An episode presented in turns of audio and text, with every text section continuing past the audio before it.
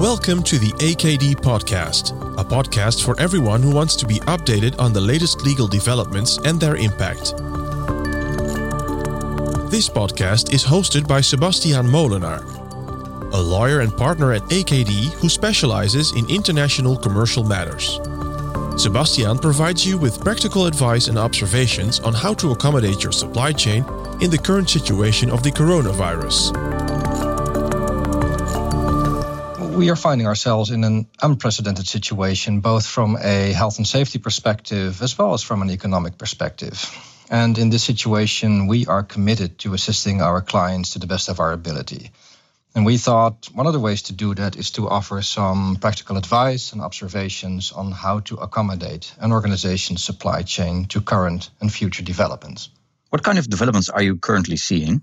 Well, we are now several weeks into the corona crisis, and the immediate effects are becoming clear now. We are seeing major macroeconomic developments like very volatile stock markets, low oil prices. The production facility in China is being completely closed. There are unprecedented state aid programs on both national and regional levels we see the imposition of unilateral trade restrictions to guarantee the availability of strategic goods.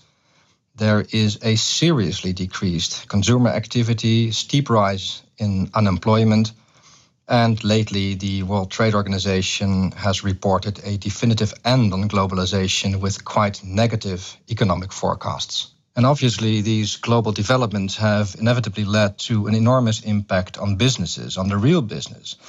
And we can see this impact in the news and in the papers every day. So, from a supply chain perspective, and from my perspective, obviously focusing on the legal aspects of the supply chain, I think we can identify three phases.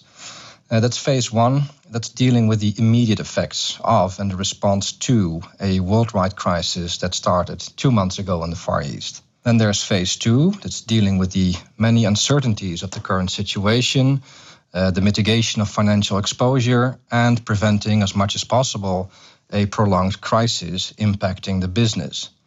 And finally, phase three, preparing and planning ahead for hopefully a situation where business will pick up again and companies need to be ready to organize and perhaps reorganize their supply chain in order to meet the then existing demands. And Sebastian, what kind of interruptions do companies experience?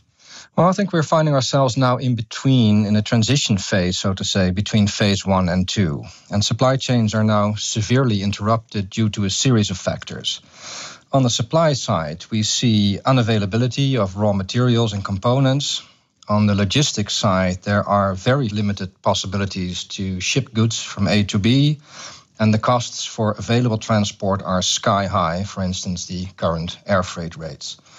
On the sales side, there is obviously a serious decrease in consumer demand for most products and services.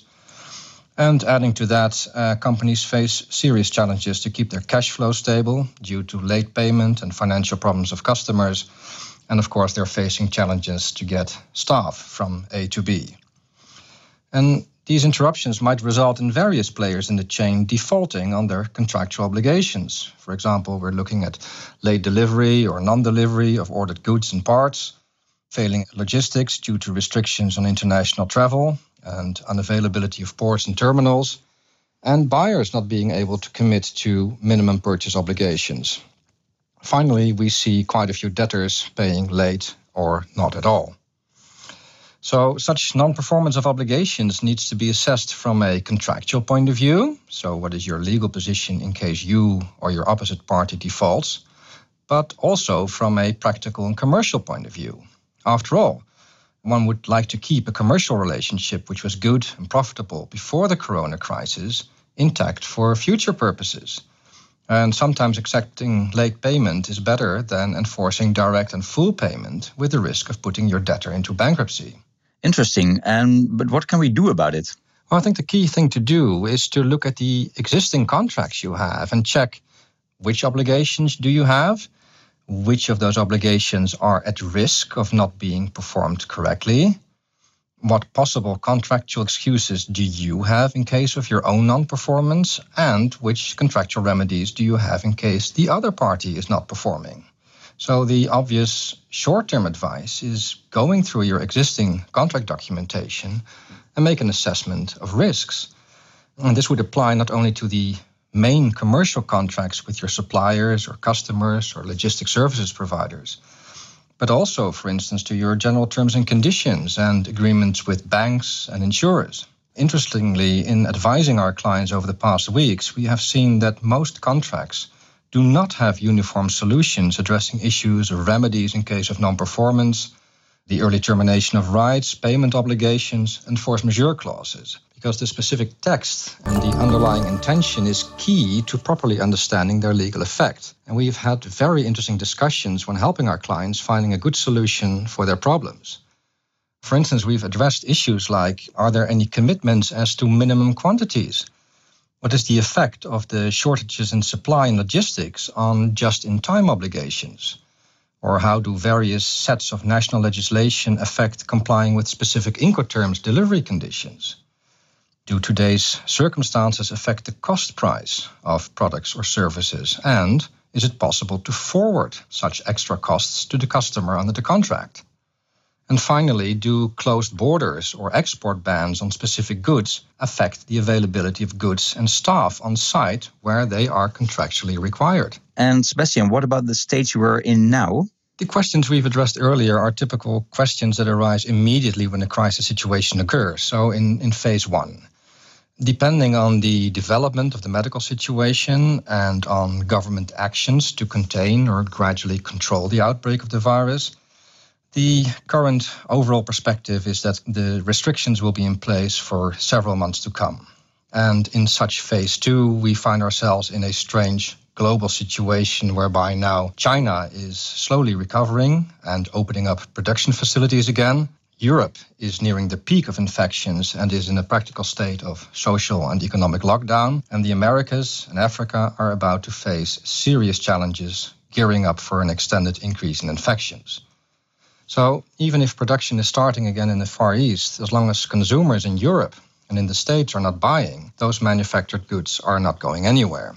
It's a global corona crisis, and the world is interconnected, and trade is per definition global too. So, therefore, the overall situation for businesses will likely remain the same for the coming months. And performance of obligations entered into before the crisis is now nearing completion, very few new orders are coming in. And this means that after having dealt with the first emergency effects and the countermeasures, companies now need to find out how to survive a period of substantially decreased supply and demand. And we see that businesses are going into a mission critical mode. They are only focusing on core business and how to keep that business intact as much as possible.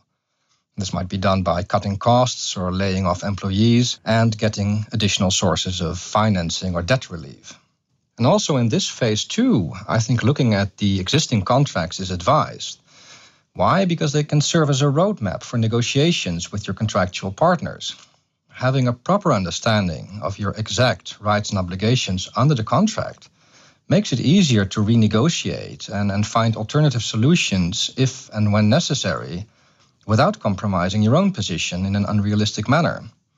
Please, though, please make sure that you carefully lay down in writing any variations to your contract documents and also beware of the fact that such variations should be explicitly made temporary so they can be undone again when normal business is hopefully ready to commence again.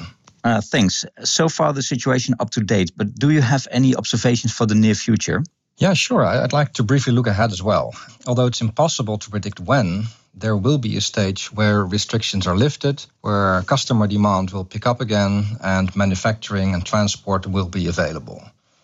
Although it is not to be expected that the economy will recover entirely in a perfect V shape, it is recommended to use this period to reflect on how to structure the supply chain in phase three when business picks up again.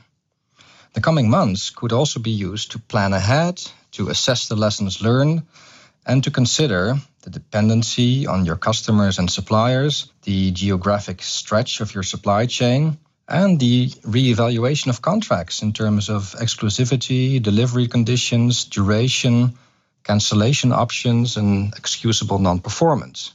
Just to clarify that a little bit further as to the dependency issue, this crisis has clearly shown the vulnerability of the global trade system. If manufacturing in one country or region stops entirely, finished goods or parts necessary for the assembly of products will simply not be available. And one cannot comply with delivery obligations towards customers. And if no alternative sources of supply are available from a cost or availability point of view, the business will come to a practical standstill. So it's therefore recommended to look into potential multiple sources of supply and sale so as to spread risks, even though this abandoning of exclusivity might come at a higher overall cost. When looking at the complexity of the supply chain, we have seen clients which manufacture complex machines abroad, requiring sometimes hundreds of components from different suppliers all over the world. Often, this manufacturing takes place in a country where the product itself is not sold. And this means that both the inbound and the outbound supply chain is complex and therefore vulnerable. And adding to that, we've seen that governments have imposed legislation preventing certain parts or products leaving the country, which results in serious business interruptions.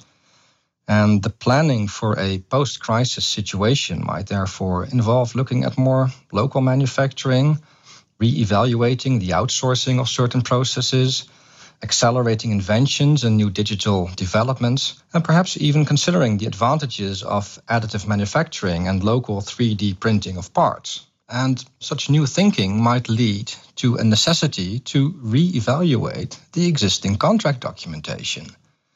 Do these contracts provide the required flexibility to adapt in times of crisis? Are risks properly allocated? And are the agreed duration and termination possibilities still in line with possible changes that are to be made in the supply chain?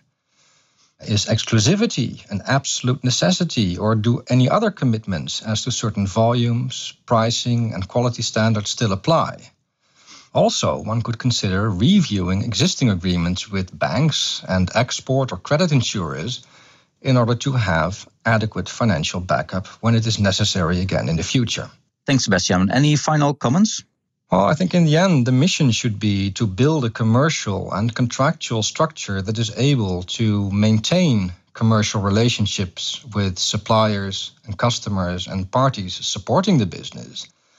And it also provides a proper basis for overcoming challenging times as these. We wish everybody all the best in dealing with these circumstances, and we are here to help if needed. Thank you for listening to this AKD podcast. Do you want to listen to more podcasts or read insights? Visit our website akd.eu/insights.